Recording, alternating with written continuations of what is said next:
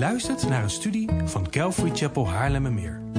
We bidden dat de Heer tot je zal spreken en je zult groeien in jouw persoonlijke relatie met de levende God. Bezoek voor meer informatie onze website calvarychapel.nl. Dat is C-A-L-V-A-R-Y-C-H-A-P-E-L.nl. Nou, nogmaals hartelijk welkom bij deze eredienst en ook uh, de livestream die jullie die meekijken van de, de Calvary Chapel. Wat ik zei is dat wij vanmorgen de preekserie Route 66 voortzetten. Um, en vandaag is het de één na laatste preek van het Oude Testament. En we zullen in vogelvlucht gaan kijken naar het Bijbelboek Zacharia. Sorry hoor. Um, ik weet niet of jullie het weten, het is gewoon een. Niet echt super belangrijk, maar Zacharia is het grootste boek van de twaalf kleine profeten. Um, zoals Hosea heeft het veertien hoofdstukken, maar Zacharia heeft gewoon iets meer verzen. Ik denk 20 of 30 meer, meer verzen dan Hosea. En tegelijk is Zacharia het meest complexe van de kleine profeten. Uh, vanwege ja, de symboliek uh, in de visioenen en vanwege de eschatologische aard van het boek, wat ook echt chockvol zit met uh, symboliek. Uh, de tweede helft van het boek gaat voornamelijk over eindtijd. Dus wat er in de eindtijd gaat gebeuren. Het einde van de wereld, zoals sommige mensen dat noemen. Dan laten we samen nog de nu eerste 38 Bijbelboeken met elkaar opnoemen. Als jullie willen, mogen jullie ook de 39ste erbij bij noemen, want dat is Malachi. Dan zijn we er ook uh, klaar mee. Laten we beginnen bij Genesis, Exodus, Leviticus, Numeri, Deuteronomium, Rut, 1 Samuel, 2 Samuel, 1 Koningen, 2 Koningen, 1 Kronieken, 2 Kronieken, Ezra, Nehemia, Esther, Job, Psalmen, Spreuken, Hooglied, Jesaja, Jeremia, Klaagliederen, Ezekiel, Hosea, Joel, Amos, Batja, Jona, Micha, Ahum, Habakkuk, Sefania. Ja, ja. nou, ik, het, het gaat hartstikke goed. Moet zeggen. Ik had deze eigenlijk moeten laten zien en hier laten blijven, maar goed. Alright. Um, ik ga dit nog twee keer zeggen, vandaag en volgende week. En dat is sinds wij in de profeten zitten, um, hebben de profeten natuurlijk hun bediening op een bepaald tijdstip uh, uitgeoefend, uitgeoefend of uitgevoerd. En het was tijdens dit gedeelte van de geschiedenis van uh, Israël. En uh, nogmaals, wanneer je de profeten leest, raad ik jullie dan ook aan om de relevante passages in de in geel gekleurde boeken te raadplegen. En dat is nodig voor context, het is nodig voor achtergrond. En in het geval van Zacharia zou je het boek Ezra en Nehemia uh, moeten lezen. Als je dit niet doet, dan blijf je gissen over waar de profeet het over heeft. Ook zal je zaken uiteraard uh, uit zijn context halen en dingen gaan toepassen op dingen die, waar het niet op toe, van toepassing is. En dat is absoluut niet Gods wil. Uh, God heeft een bedoeling met wat hij gegeven heeft en daar moeten wij achter zien te komen. Um, zoals Haggai, wat we afgelopen zondag hebben behandeld, dankjewel. Uh, heeft ook Zacharia zijn datering um, exact voor ons vastgelegd. Um, even kijken hoor. Ja, in hoofdstuk 1 vers 1 van Zacharia staat dit. In de achtste maand, in het tweede jaar van Darius, kwam het woord van de Heer tot Zacharia, de zoon van Berechia, de zoon van Ido, de profeet. En de profeet duidt op Zacharia. Nou, deze koning Darius van Perzië regeerde van 522 tot 485 voor Christus. En zijn tweede regeringsjaar is dan 520 voor Christus. De achtste maand van het Hebreeuws uh, kalender is voor ons ongeveer oktober-november. En zijn profetische bediening begon dus twee maanden na de bediening van Haggai. Die begon in de zesde maand. Er is dus overlap in hun bediening. Um, ik, ik, vind het apart dat um, Haggai was de, een veel oudere profeet. Die was of nog in Babylon geboren, of hij was nog voor de ballingschap in Jeruzalem geboren. En dat hij dus na de ballingschap terugkwam. Dus hij was best wel een oude man. En deze um, Zacharia is een hele jonge man. En uh, Haggai begon zijn, zijn, zijn profetie, zijn bediening eerst. Twee maanden later begon Zacharia. En het kan zijn dat, um, dat Zacharia dus echt ook uh, aangespoord werd door de bediening van Haggai. En um, dat hij dus daar ook mee uh, zijn bediening begon. Maar goed, dat, dat weten we niet, maar het uh, zou heel goed kunnen. Dus zij dienden de heren, Zacharia en Haggai, die, die, zij dienden de heren een poosje samen. beiden profeteerden aan de post-exilische Joden. Dat wil zeggen, de Joden die uit hun ballingschap in Babylonië uh, terug waren gekomen in Jeruzalem. En um, ja, dus die waren teruggekomen, sorry. Um, Zacharia is een, is een, ja, een profeet. Hij is een, uh, een, een, nakomeling van um, Aaron de, de Leviet. In um, Nehemia, denk ik, staat dat hij een kleinzoon is van de priester Iddo. En zijn naam betekent de Heere gedenkt of de Heere um, herinnert zich. En um, wat apart is van Zacharia is dat hij niet de enige is die deze naam heeft in het Oude Testament. Ik denk dat er ongeveer 30 mensen zijn in het Oude, Testament die deze naam hebben. Maar goed, hij was dus een priester. Het feit dat God hem dan ook een profeet maakte is, is sowieso bijzonder. Uh, normaliter uh, waren het de profeten die de priesters juist waarschuwden over wat er, er komen zou. Uh, de profeten die gingen juist echt radicaal tegen veel van die priesters in, want die priesters die waren, ehm, ja, veel van die priesters waren fout bezig. En, maar goed, in, in dit geval uh, vervult deze Zacharia dus beide ambten. Hij is priester en hij is profeet. En persoonlijk denk ik dat um, dat dit zijn bediening en zijn aanpak van hoe hij zijn bediening uitoefent, dat het uh, een positief uh, impact heeft gehad op hoe hij zijn bediening uitoefende. Um, oh, ik, ik, ik, zei dit ook net, volgens Nehemia 12 kwam Zacharia met zijn opa terug. Uh, toen ze vanuit Babylon terugkwamen, samen met Zerubabel, naar Jeruzalem toe. Nou, in grote lijnen zouden we Zacharia in, twee, in tweeën kunnen indelen. En dit zijn hele grote uh, globale lijnen. Uh, hoofdstukken 1 tot en met 8 die gaan voornamelijk over de bouw van de tempel. En het gaat over um, het feit dat God Juda's hartstocht wil winnen. God wil Juda echt weer terugwinnen voor zichzelf. In de eerste helft van het boek uh, was de bouw van de tempel ook volop gaande. En in dit gedeelte profeteerde Zacharia voor twee jaar lang. Dus van 25 tot en met 5:18. Hoofdstukken 9 tot en met 14, het laatste gedeelte, die gaan voornamelijk over de eerste komst van Jezus Christus, wat 2000 jaar geleden gebeurd is. En hij kwam als uh, het uh, geslachte lam. En uh, het gaat ook over de wederkomst van Jezus Christus, wat nu nog toekomstig is, wanneer Jezus als koning der koningen en Here der heren terug zal komen en hier op aarde zal gaan regeren. In de tweede helft van het boek profeteerde Zacharia veel later, uh, ergens tussen 480 en 470 uh, voor Christus. Dus zo'n 36 jaar nadat uh, de bouw van de tempel klaar was. Dus laten we open, onze Bijbels openslaan op hoofdstuk 1, vers 1.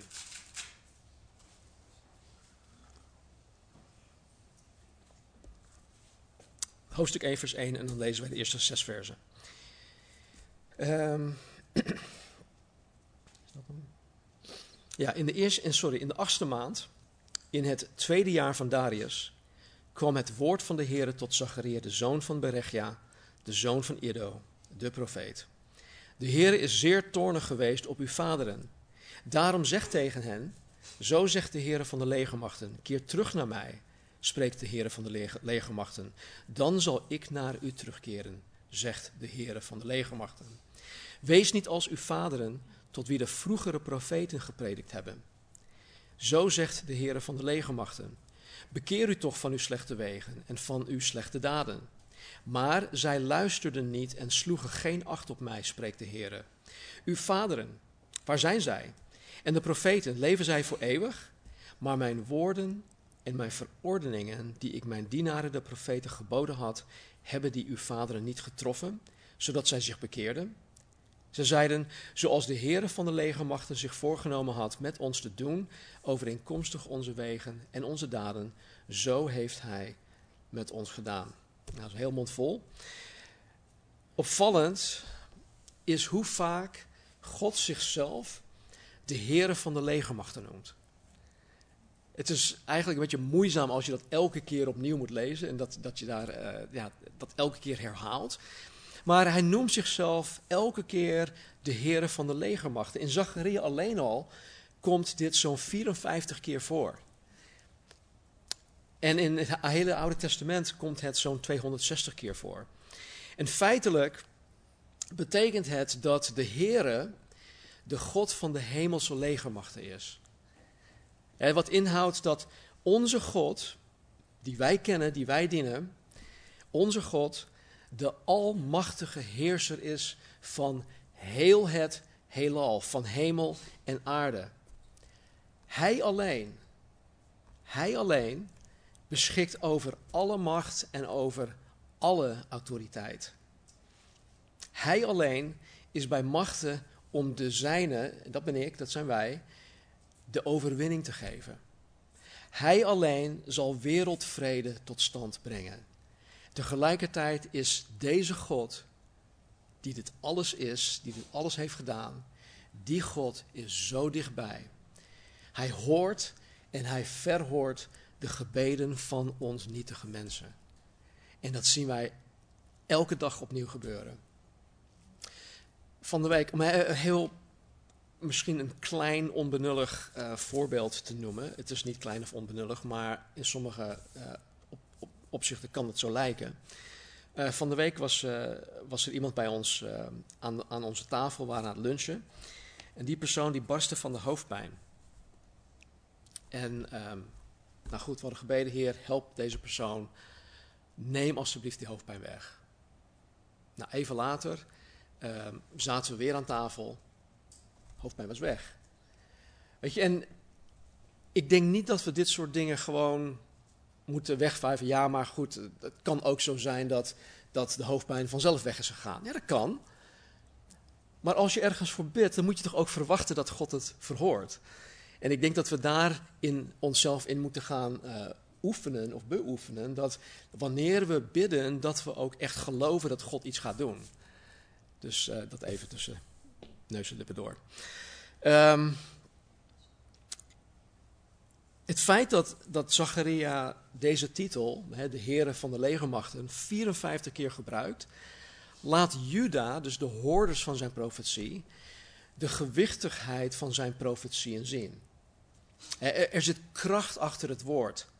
Kracht van de almachtige God van de hemelse legermachten. En deze almachtige Heer van de legermachten zegt tegen het overblijfsel, tegen Juda, keer terug naar mij, dan zal ik naar u terugkeren. Keer terug naar mij, dan zal ik naar u terugkeren. Twee maanden, twee maanden nadat Haggai Zerubabel, Jozua en het volk ertoe bewogen had om het bouwwerk van de tempel weer op te pakken, zegt God dit tegen het volk. Wat zegt hij? Keer terug naar mij, dan zal ik naar u terugkeren. Nou, dit zet mij aan het denken. Ze waren volop bezig met het bouwwerk. Ze gehoorzaamden de vermaning en de aansporing van de profeet Haggai. Ze deden de wil van God. Maar hier roept God het volk op om zich tot hem terug te keren. Er moet dus meer gaande zijn dan wat wij in Haggai hadden gelezen. En ze waren nogmaals volop bezig met, met de werkzaamheden. Ze waren God aan het dienen. Maar ondanks al hun inspanningen en wat zij aan tijd en energie en aan middelen hadden opgeofferd, want het was echt een opgave, leek het voor hun alsof God nog steeds heel ver weg was. Zij kampten met een land of een stad die na haar verwoesting voor 70 jaren van verwaarlozing gewoon één grote puinhoop was. Het was nog steeds, nog steeds een grote puinhoop. Niemand had daar wat aan gedaan. En alleen het puinruipen was al moeilijk zat. Laat staan het bouwwerk. Ik weet niet of jullie ooit puin geruimd hebben, maar dat, is, dat is echt hard werk. Je hebt handschoenen nodig, kruiwagens, je, je rug doet pijn, je knieën doen, alles doet pijn. En zij moesten die puin gaan ruimen. Ze hadden weinig geld, er was weinig mankracht. Het waren allemaal doe-het-zelvers. En ze kampten met droogte, met, met mislukte oogsten. Vijanden verzetten zich tegen het werk. En ze hadden ongetwijfeld te maken, uh, uh, te maken met, met gedachten van, van, ook van heimwee naar een veel makkelijker en veel comfortabeler leven in Babylon. Wat zij achtergelaten hadden. En al deze omstandigheden bij elkaar zorgden ervoor dat het volk dacht dat God hen had verlaten. En dat God geen interesse in hen had. Dat God hun aan, het, aan hun lot had overgelaten. En kijk, wat, wat altijd zo lastig is wanneer zoiets gebeurt, wanneer dit gebeurt, is dat ook wij, anno 2022, vrijwel altijd denken dat God ons verlaten heeft. Terwijl het juist andersom is. In, in de context van een, een, eh, een aansporing om, om ons te distancieren van de liefde van de wereld, helpt Jacobus ons om de woorden van Zacharia te plaatsen. Ik heb geen slide hiervan, maar Jacobus 4:8 zet, uh, zegt: Nader tot God en hij zal tot u naderen. Eigenlijk hetzelfde wat hier in Zacharia staat. Nader tot God en hij zal tot u naderen.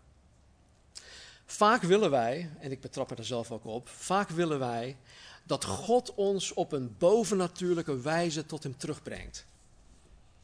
Heer, bevrijd mij van mezelf. Heer, bevrijd mij hiervan, bevrijd me daarvan. Doe dit, doe dat. Breng mij alstublieft terug. Ik kan het zelf niet. Maar God wil juist dat wij er zelf voor kiezen om tot Hem terug te keren. Kijk, als we dat niet doen, dan is dat geen ware liefde. Liefde is een keus. En Hij wil dat wij voor Hem kiezen. Want dan is het echt. Toen ik jaren geleden met, met Marnie ging trouwen, was het ook niet zo dat ik haar dwong om met mij te gaan trouwen. Het was haar keus. Zij hield van mij en nog steeds, gelukkig. Dus ik weet dat het echt is. En zo ook met God. God wil niet dat wij een robot zijn of dat God ons ergens toe moet dwingen om Hem te behagen of Hem na te volgen om Hem te dienen. Nee, Hij wil dat wij daar zelf voor kiezen. En ook dit zet mij dan aan het denken. Deze mensen in de tijd van Zacharia waren volop bezig met hun bedieningen. Maar ze hadden sterk het idee dat God ver weg was. Aan de hand van Gods oproep om tot Hem terug te keren en wat Jacobus 4 ons leert, wat we net hebben gelezen, denk ik dat wij kunnen concluderen dat het mogelijk is dat wij anno 2022 volop bezig kunnen zijn met onze bediening, terwijl ons hart of ons hartstocht niet naar God uitgaat. Het gebeurt bij mij. Het overkomt mij. En soms is de bediening ook zelfs een afgod. En soms ga ik door, loop ik gewoon door alle praktische dingen heen en ik doe maar mijn ding en ik, ik sta hier dan op zondag en ik doe maar mijn ding. En wetende van, hé, hey, er is iets in mijn hart dat niet goed zit. God heeft niet mijn volledige toewijding. En als het bij mij zo kan zijn, en als het bij de uh, Juda zo kan zijn, dan kan het ook bij jullie zo zijn. Wij kunnen volop met onze bedieningen bezig zijn. Wij kunnen rennen voor de Heer zonder dat wij aan Hem toegewijd zijn. En weet je hoe, hoe dit soms tot uiting komt? Let er maar, let er maar op. Wanneer je iemand vraagt hoe het geestelijk met hem of haar gaat, krijg je soms te horen, en er is op zich niks mis mee, maar je krijgt dan soms te horen hoe ze bijvoorbeeld uh, druk bezig zijn met de kinderbediening, of dat ze elke zondag de livestream bedienen, of dat ze elke maandagavond een fellowship, fellowshipgroep mogen leiden, of dat ze andere dingen doen om mensen te helpen. Zij dienen de Heer en de zijnen, enzovoort, enzovoort. En dit zijn, begrijp me niet verkeerd, dit zijn allemaal hele goede dingen. En we hebben er alle, allemaal profijt van dat deze dingen gebeuren. Maar het doen van deze dingen mag geen graadmeter zijn van hoe toegewijd je aan God bent.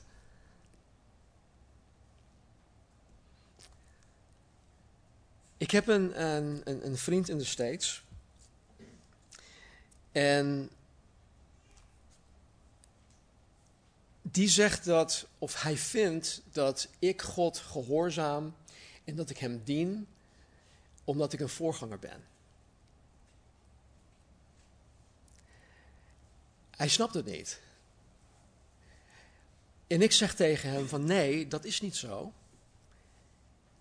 Ik ben voorganger omdat ik een christen ben. Ik volg Jezus Christus na. Ik wil Hem behagen. Ik dien Hem. En het gevolg daarvan is dat ik dan deze plek van Hem heb gekregen. En zijn graadmeter is dan van ja, oké, je bent zo toegewijd aan God omdat je een voorganger bent. Maar dat is niet zo. Het moet juist andersom zijn. Ik moet God toegewijd zijn en dan komen de vruchten van de geest tot uiting in mijn leven. Waaronder ook mijn bediening. En want natuurlijk is het zo dat wanneer je aan God toegewijd bent, je Hem op allerlei manieren zal gaan dienen, zoals ik ook zo net ook noemde.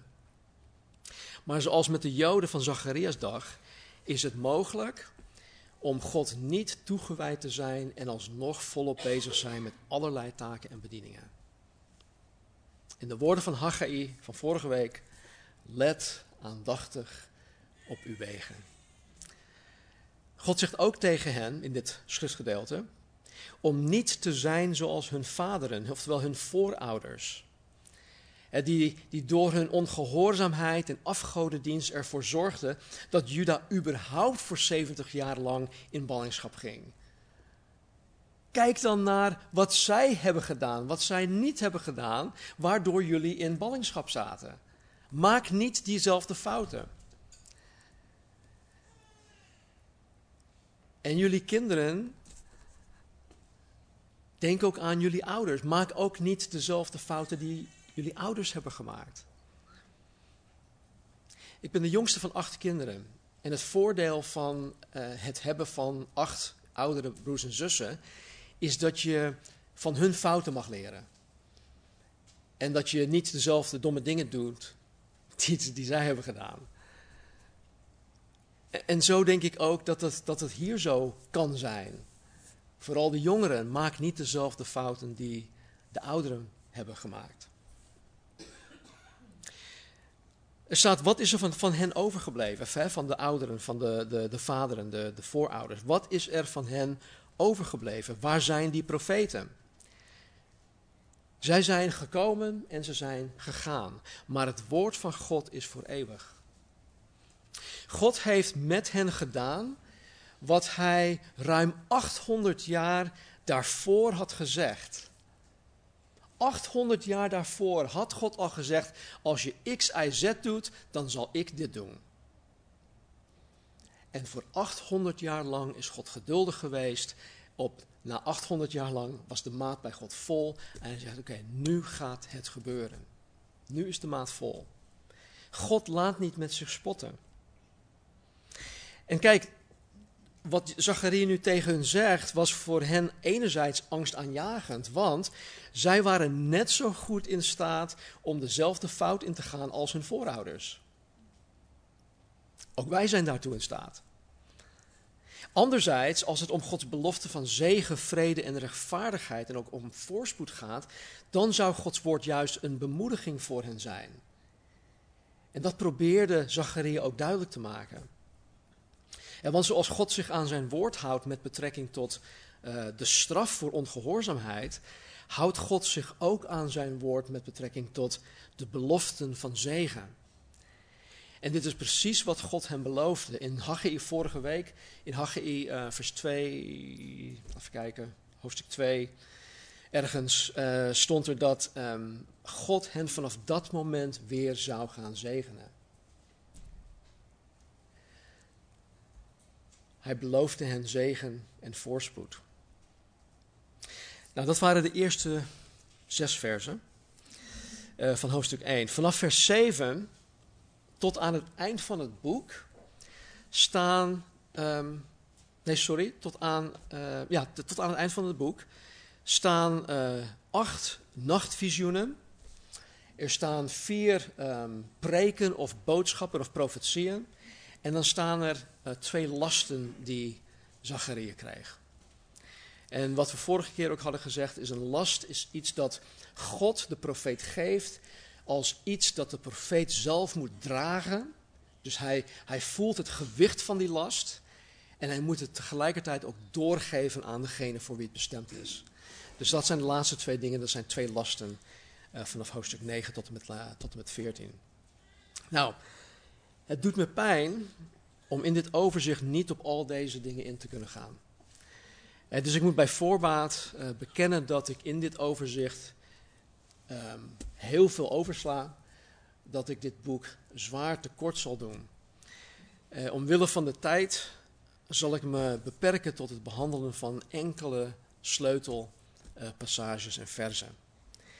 Nou, in hoofdstuk 1 tot met, sorry, in hoofdstuk 1 vers 7 tot en met hoofdstuk 6 vers 15 staan die acht nachtvisioenen die Zacharia kreeg. En mocht je deze gelezen hebben ooit of van de week, dan weet je dat, dat deze nogal bizar zijn. Het waren gewoon hele bizarre visioenen. Ik denk dat het een beetje te vergelijken is met sommige dromen die wij hebben, waarin je heel veel beelden te zien krijgt, alles gaat door elkaar heen, maar het gewoon niet duidelijk is waar het over gaat. En gelukkig stelt Zacharia elke keer vragen. En gelukkig geeft de engel die met hem spreekt antwoord op deze vragen. Maar hoe dan ook, de symboliek blijft in bijna alle gevallen heel lastig te volgen, blijft lastig te begrijpen. De nachtvisioenen vermengen ook nog eens, wat het nog, ook nog eens moeilijker maakt, deze vermengen ook nog eens het werk van de Messias. In uh, beide advents, dus Jezus' eerste komst en ook nog zijn tweede komst, zijn wederkomst. En zoals het geval bij andere profeten ziet Zacharia alleen de bergtoppen in de verte. Dus hij ziet niet um, de tussen, wat in de tussenliggende valleien gebeurt. Hij kijkt alleen naar de verre toekomst. Nou, ik zal aangeven waar deze uh, acht nachtvisioenen uh, globaal over gaan. Zodat wanneer jullie deze zelf gaan lezen, je een idee hebt uh, over wat ermee bedoeld wordt.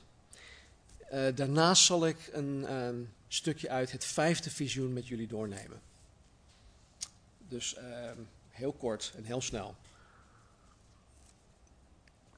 De eerste vijf visioenen die zijn aan Juda gegeven om hun troost te bieden, om hun hoop te geven. En de laatste drie die gaan over Gods oordeel. Het eerste visioen, mocht je deze willen uh, opschrijven, uh, hoofdstuk 1, vers 7 tot en met 17. Het eerste visioen, volgens mij staat het ook in, als kopje in jullie Bijbels. Het eerste visioen van de man op het rode paard laat hun zien dat God Sion en zijn volk zal herbouwen. En dat is een goed iets.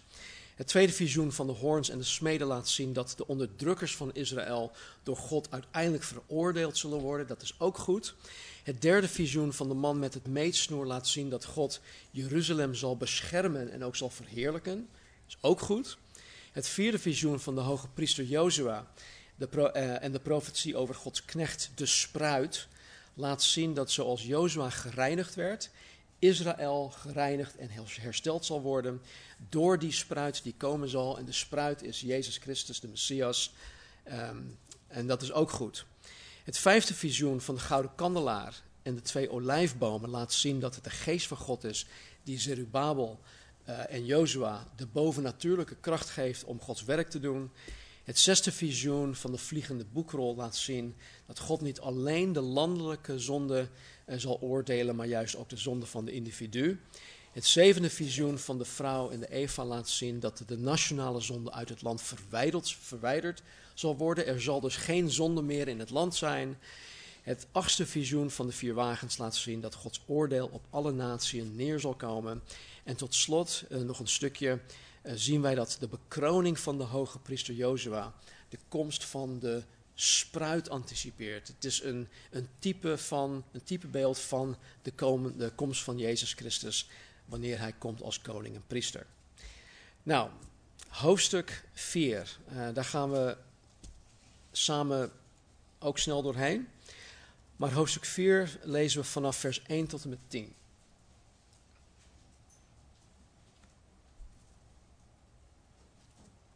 De engel die met mij sprak, dus dit is Zacharie die hier spreekt. De engel die met mij sprak kwam terug en wekte mij, zoals iemand die uit zijn slaap gewekt wordt. Hij zei tegen mij, wat ziet u? Daarop zei ik, ik zie en zie een kandelaar geheel van goud, met een olievaatje aan de bovenkant ervan en daarbovenop zeven bijbehorende lampen met telkens zeven toevoerbuisjes aan de lampen die daarboven zitten, met twee olijfbomen ernaast. En één aan de rechterkant van het olijf of olievaatje en één aan de linkerkant ervan. Ik antwoordde en zei tegen de engel die met mij sprak: Mijn heren, wat betekenen deze dingen? Toen antwoordde de engel die met mij sprak en zei tegen mij: Weet u niet wat deze dingen betekenen? Ik zei: Nee. Daarop antwoordde hij en zei tegen mij: Dit is het woord van de Heer tot Zerubabel. Niet door kracht en niet door geweld, maar door mijn geest, zegt de Heer van de legermachten. Wie bent u, grote berg? Voor de ogen van Zerubabel zult u een vlakte worden. Hij zal de sluitsteen aandragen onder luid geroep: Genade, genade van hem. Het woord van de Heer kwam tot mij. De handen van Zerubabel hebben dit huis gegrondvest. Zijn handen zullen het ook voltooien. Dan zult u weten dat de Heere van de legermachten mij tot u gezonden heeft. Want wie veracht de dag van de kleine dingen, terwijl die zeven blij zijn als zij het tinnen gewicht zien in de hand van Zerubabel. Die zeven zijn de ogen van de Heere die over heel de aarde trekken tot zover. Nou, in dit stuk bemoedigt God Zerubabel, de gouverneur, en God zegt dat God hem bovennatuurlijke kracht zal geven om het bouwwerk af te kunnen maken. Weet je nog, ze waren ontmoedigd, ze waren afgemat, uh, ze dachten God is ver verwijderd van ons. En hier bemoedigt uh, Zacharia juist uh, deze Zerubabel dat, het, um, dat, dat hij bovennatuurlijke kracht van God zal ontvangen om het werk af te kunnen maken. Er staat er in vers 6 dit. Niet door kracht en niet door geweld, maar door mijn geest, zegt de Heer van de legermachten. De kracht waar God het over heeft, dat, over heeft, legt de nadruk op collectieve kracht. Denk aan vele handen maken licht werk. Of samen kunnen we meer. Of de kracht van de groep. Of de juiste mensen op de juiste plek. Of denk aan brain, brainstorm sessies. Of uh, strategieën en, en missies en visies bepalen en al dat soort dingen. Dat is wat uh, God bedoelt met de kracht. Het geweld waar God het over heeft, legt de nadruk op persoonlijke kracht of macht. Denk aan zijn positie als gouverneur. Denk aan zijn persoonlijke capaciteiten, aan zijn talenten die hij gekregen heeft, aan aanleg. God zegt dat geen van deze dingen zijn werk zou kunnen volbrengen. Hoe goed ze hun best daar ook voor doen. Deze dingen zal Gods werk niet volbrengen. Alleen door zijn geest zal God zijn werk door hun heen volbrengen. Niet door kracht en niet door geweld. Wat menselijk gezien onmogelijk was, en waar Zerubabel het werk als een gigantische, uh, onbeweegbare berg zag, zegt God dat door de kracht van zijn geest deze berg gelijk als een vlakte gemaakt zal worden. En we weten dat het bouwwerk van de tempel een kleine vier jaar later af was En dat God zijn belofte gewoon was nagekomen. God had het gedaan. Hij was zijn belofte weer nagekomen. Op 21 januari 2007, bijna 16 jaar geleden, in de openingsdienst van Calvary Chapel Haarlemmermeer, wat destijds Cross Culture Calvary Chapel heette, sloot ik de dienst af met, met deze slide.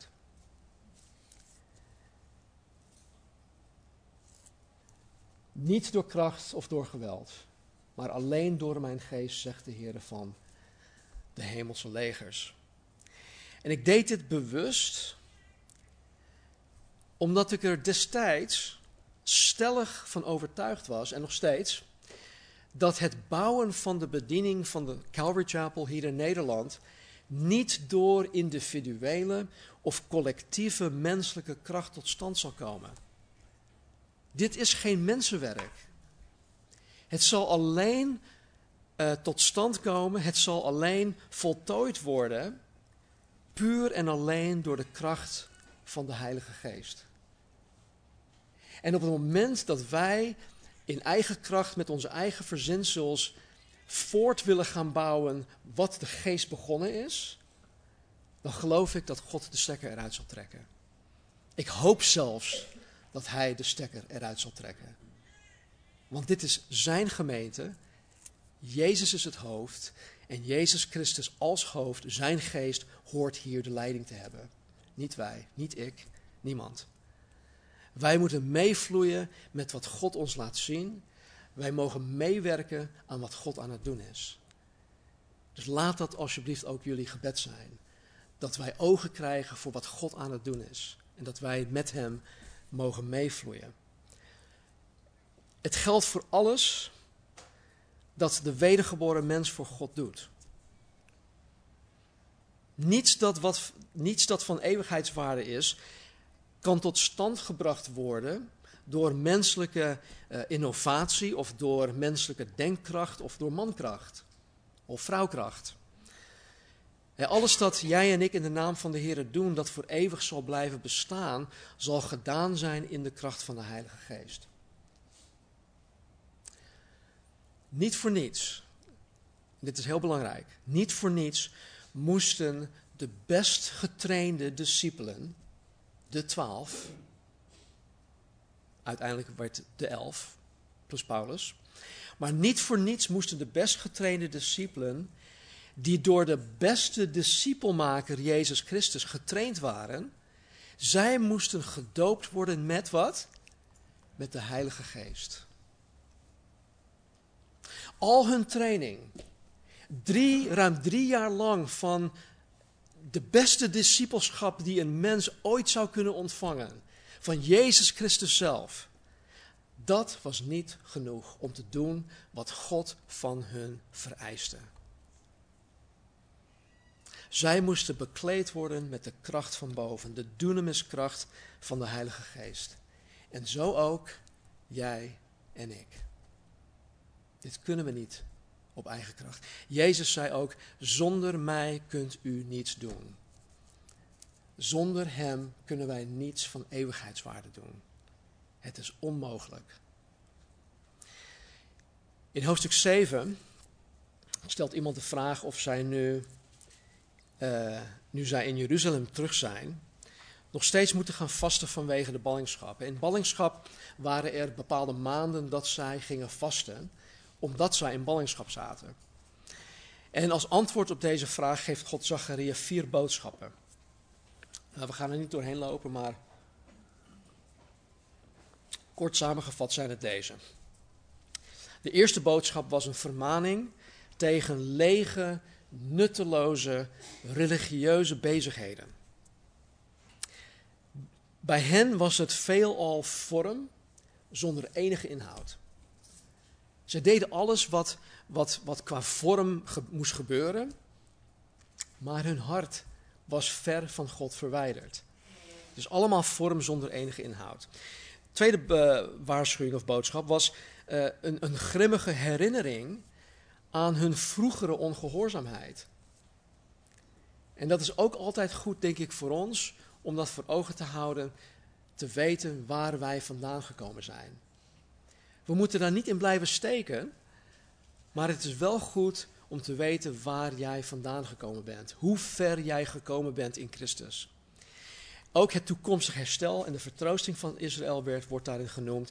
En het herstel van vreugde in het toekomstige koninkrijk. Nou, in de hoofdstukken 9 tot en met 11 laat Zacharia ons onder andere zien dat de Messias zal komen als het lam van God dat de zonde van de wereld wegneemt. Hè, wat Johannes de Doper van Jezus zegt. En hoe Jezus door het Joods volk verworpen werd. Daar gaat hoofdstuk 9 tot en met 11 globaal over. En dit is dan de eerste advent, oftewel de eerste komt van Jezus Christus 2000 jaar geleden. Dat is al gebeurd. Hij is al voor onze zonde aan het kruis gegaan. En een sleutelvers dat, uh, uh, dat in het evangelie van Matthäus vervuld werd, is in uh, Zacharia hoofdstuk 9, vers 9. Er staat, verheug u zeer, dochter van Sion. Juich, dochter van Jeruzalem. Zie, uw koning zal tot u komen, rechtvaardig, en hij is een heiland, arm en rijdend op een ezel, op een ezelsveulen, het jong van een ezelin. In Matthäus, Matthäus hoofdstuk 21, zien wij de intocht van Jezus in Jeruzalem. Dat was na drie jaar gediend te hebben, na drie jaar zijn bediening uitgeoefend te hebben, zijn de, de, eerste keer dat Jezus um, op deze manier zichzelf ook als Messias kenbaar maakte. En het is precies gegaan zoals Zacharia het zo'n 550 jaar daarvoor had voorspeld. Wat we net gelezen hadden, is 550 jaar voor de intocht in Jeruzalem voorspeld. En het is precies gegaan zoals uh, Zacharia had, het had gezegd. En dit gebeurde in de laatste week van Jezus' leven hier op aarde. En nogmaals, het was de eerste keer dat Jezus zichzelf als Messias aan het Joods volk presenteerde. Het Joods volk was op dat moment extatisch. En ze legden palmtakken op, uh, neer, hun kleding. Dit is Jezus Christus, hij is de Messias, de lang verwachte Messias. Hosanna, Hosanna riepen zij. Ze waren extatisch. Maar aan het einde van die week werd Jezus voor onze zonden gekruisigd. Nou, in de laatste hoofdstukken 12 tot met 14 laat Zacharie ons zien dat Jezus Christus naar de aarde terugkomt. En dat Israël hem deze keer niet zal verwerpen zoals zij dat 2000 jaar geleden wel hebben gedaan. Maar dat zij Jezus zullen erkennen als de Messias en hem zullen aanvaarden en hem zullen aanbidden. En dit is de tweede advent, oftewel de wederkomst van Jezus Christus op aarde. En een sleutelvers of één sleutelvers dat hierop duidt dat nu nog toekomstig is, is het volgende. Zachariah 14, vers 4. Er staat op die dag zullen zijn voeten, dus de voeten van Jezus Christus, staan op de olijfberg, die voor Jeruzalem ligt, ten oosten daarvan. Dan zal de olijfberg in tweeën gespleten worden, naar het oosten en naar het westen. Er zal een zeer groot dal ontstaan, als de ene helft van de berg naar het noorden zal wijken en de andere helft ervan naar het zuiden. Nou, ik weet dat dit veel uitleg vereist, maar we hebben hier gewoon geen tijd voor. Uh, de parallelversen van wat, wat hier gebeurt. dit is maar een klein stukje ervan, maar de, de parallelpassages, de versen uh, van dit stuk staan in Openbaring 16. Uh, hoofdstuk 16, vers 18 tot en met 21. En in Openbaring 19, vers 11 tot en met 21. Deze heb ik in mijn uh, vers voor vers studie van Openbaring behandeld. En deze staan op onze website als je daar iets meer over wil weten. Ze staan trouwens ook op YouTube. En nogmaals, ik heb heel veel overgeslagen. En ik heb heel veel niet verklaard. Wat we wel gezien hebben, is dat Zacharia een ontmoedigd, een vermoeid en een belast volk bemoedigt en aanspoort om door te gaan met het goede werk dat zij aan het doen waren. Zijn manier van aanpak was blijkbaar nodig. Ze werden in beweging gebracht door de vermaning van Haggai. En nu hadden zij het nodig om, om, um, om intrinsiek gemotiveerd te worden. Om van binnen, binnenin gemotiveerd te worden. Om, met, uh, om, ja, om, om het veel werk en om het moeilijk werk voor te zetten. En waar zijn bemoediging op neerkwam, was dat het werk waar ze mee bezig waren een gigantisch rendement zou leveren in de toekomst, op Gods tijd. Maar wat hier wel voor nodig was, was hun gehoorzaamheid aan Gods woord. Vergeet niet, de glorie waarover Haggai het vorige week over had, de grotere glorie waar hij het over had, dat in deze tempel zou komen, was toen Jezus 550 jaar daarna in levende lijven de tempel binnenkwam. Hij is de glorie Gods en hij kwam die tempel binnen. Hij vervulde die tempel. Al was het maar tijdelijk. Uiteindelijk zal hij de tempel waar je uh, over heeft, ook um, de tempel vervullen met zijn glorie. Dus de tempel was hiervoor nodig. Hun gehoorzaamheid aan Gods woord was hiervoor nodig. Zij moesten volharden in het goede werk. Zij moesten doorpakken, zij moesten echt buffelen, ze moesten uh, dit niet doen in eigen kracht, zij moesten afhankelijk zijn en blijven van de Heilige Geest. En ook wij mogen zegen en rendement van God verwachten op het goede werk dat wij mogen doen. En ook voor ons geldt dat als wij willen genieten van de dingen die eeuwigheidswaarde hebben, dan moeten ook wij nu de Heere gehoorzamen. De toekomstige zegen is afhankelijk van ons huidige gehoorzaamheid. Misschien is dat een lastige boodschap voor jou, maar het is wel de juiste boodschap. Laten we bidden. Hemelse Vader, dank u wel dat u ons deze profetie hebt gegeven. Nogmaals, Heer, mijn gebed is dat wat in zwakheid voorbereid is, dat Heer, dat uw Heilige Geest het nodige in onze harten laat vallen, laat landen. En dat het vruchten zal dragen, Heer, vrucht zal dragen in ons leven. Help ons, Heer, om dicht bij U te blijven. Om U na te volgen, koste wat kost. Help ons om de grote opdracht te vervullen. Help ons om U te gehoorzamen. Help ons om ons leven op orde te krijgen, te hebben, te houden. Heer, zodat we bezig zullen zijn met dingen die eeuwigheidswaarde hebben. En niet met de nutteloze en zinloze dingen van deze wereld aan deze kant van de eeuwigheid, die uiteindelijk tot niets leiden. Help ons, Heer, om bemoedigd te, eh, zijn door de woorden van Zacharia, om door te gaan, om vooral door te gaan, al zijn we op dit moment ontmoedigd al hebben we het idee dat u ver weg van ons verwijderd bent. Al hebben we het idee dat u niet om ons geeft. Al hebben we het idee dat u ons aan ons lot hebt overgelaten. Help ons, Heer, om, om terug te keren naar u. Om naar u toe te komen. En dat u ons daarin tegemoet zal komen. Jezus, u zei ook dat allen die belast en vermoeid zijn, om naar u toe te komen. En dan zal u hen rust geven en vrede geven. Rust voor hun ziel. Heer, als er iemand is die die rust zo hard nodig heeft, Heer, laat die persoon vandaag zich tot u keren.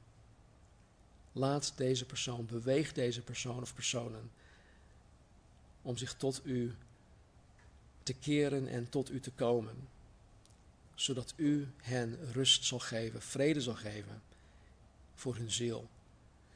Vrede die alle menselijke verstand te boven gaat. Waardoor ze zoiets hebben van: ik snap er niks van. Er is zoveel gaande in mijn leven, maar ik heb vrede in mijn hart. Heer, laat dat nu gebeuren. Nogmaals, dank u wel voor de profetieën van Haggai van vorige week, waarin hij ons aanspoort om aandachtig te letten op onze wegen. En ook, heren, de bemoediging van Zacharia. Heren, om door te pakken. Om bezig te zijn met de goede strijd. Om bezig te zijn en blijven met het goede werk dat u voor ons hebt voorbereid. Dus heren, dank u wel. Wij verwachten het van u. Wij vertrouwen erop dat u ons zal helpen. Heren, vervul ons met uw Heilige Geest, zodat we dingen niet zullen doen of trachten te doen in eigen kracht. Niet door kracht, noch door geweld, maar door de Geest, uw Geest, zegt de Heer van de legermachten. Dank u wel. In Jezus' naam. Amen.